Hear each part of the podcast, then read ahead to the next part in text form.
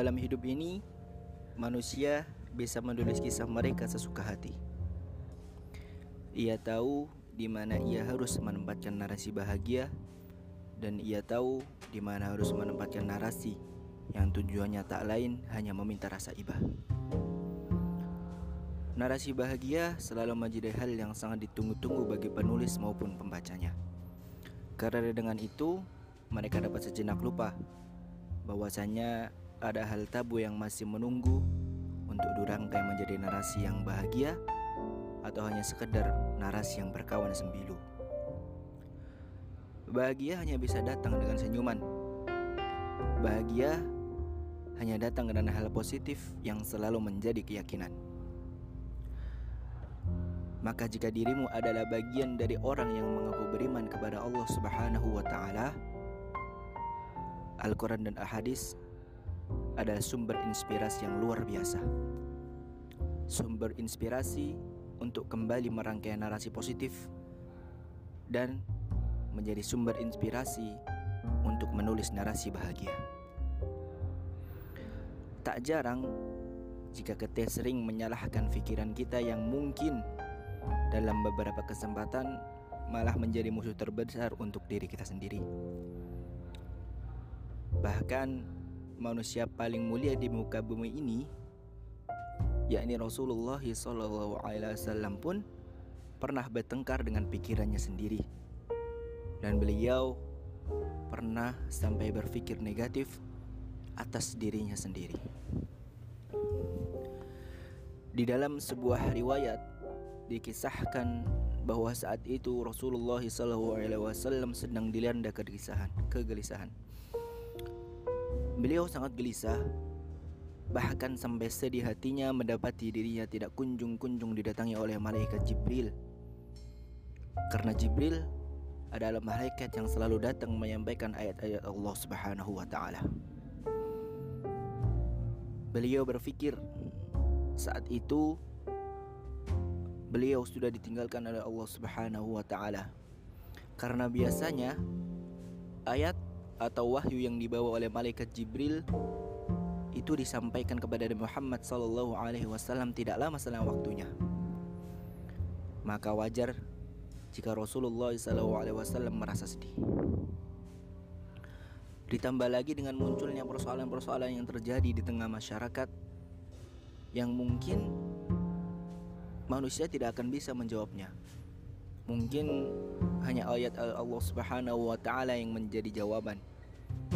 Tetapi pada saat itu Rasulullah SAW tidak mendapatkan ayat satupun. Bahkan lebih parahnya, bukan Rasulullah SAW saja yang merasa sedih. Para sahabat beliau, Bahkan istri tercinta beliau Khadijah radhiyallahu anha pun sangat gelisah, gelisah hatinya. Kegelisahan ini muncul disebabkan oleh pikiran para sahabat dan masyarakat dalam menyikapi peristiwa langka itu. Mereka banyak memahami bahwa peristiwa itu akan menjadi suatu akhir dari dakwah Islamiyah.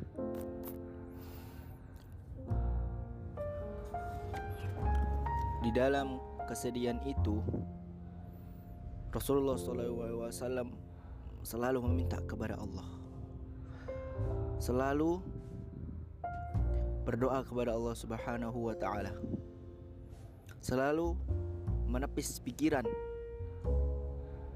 Jangan-jangan apa yang dikatakan oleh orang-orang itu benar. Jangan-jangan dakwah Islamiyah sudah selesai pada hari ini. Maka Rasulullah SAW merasa terancam posisinya. Bahkan bagi orang-orang yang tidak suka kepada Rasulullah SAW, hal ini menjadi kejadian. Hal ini menjadi kesempatan emas untuk membendung laju dakwah Islam di tengah masyarakat Mekah. Tetapi Allah Subhanahu wa taala berkata lain.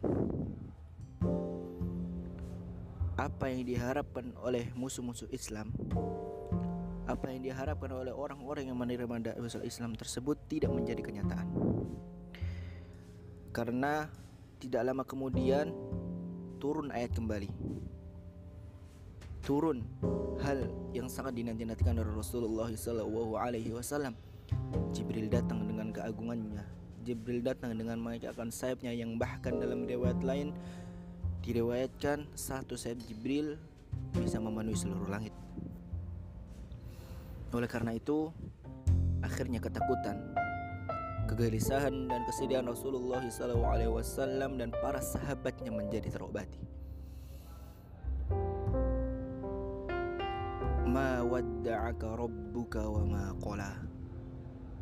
Satu ayat yang menjadi tetesan ambun sejuk di hati Rasulullah SAW. Satu ayat yang bisa menjadi pengobat dari segala gelisah Rasulullah SAW. Ma wadda'aka rabbuka wa ma. Sungguh Tuhanmu tidak meninggalkan engkau wahai Muhammad dan tiada pula membencimu. Ayat ini secara tegas menyatakan bahwa Allah Subhanahu wa taala tidak tidaklah meninggalkan Rasulullah SAW. Allah pun tidak membenci beliau. Dengan turunnya ayat ini, tentu musuh-musuh Islam menjadi sangat kecewa. Karena ternyata pemahaman negatif mereka itu salah. Provokasi, yang sifatnya menyudutkan Rasulullah SAW ternetralisir kembali karena turunnya ayat ini. Bagi Rasulullah SAW dan para sahabatnya, ayat ini justru memberi pelajaran bahwa ketika kita selalu berpikir positif dalam setiap keadaan, maka hal baik akan menghampiri. Karena belum tentu apa yang dipikirkan oleh manusia itu sama dengan yang dimaksudkan oleh Allah Subhanahu wa taala. Karena ketidaktahuan manusia tentang maksud Allah itu.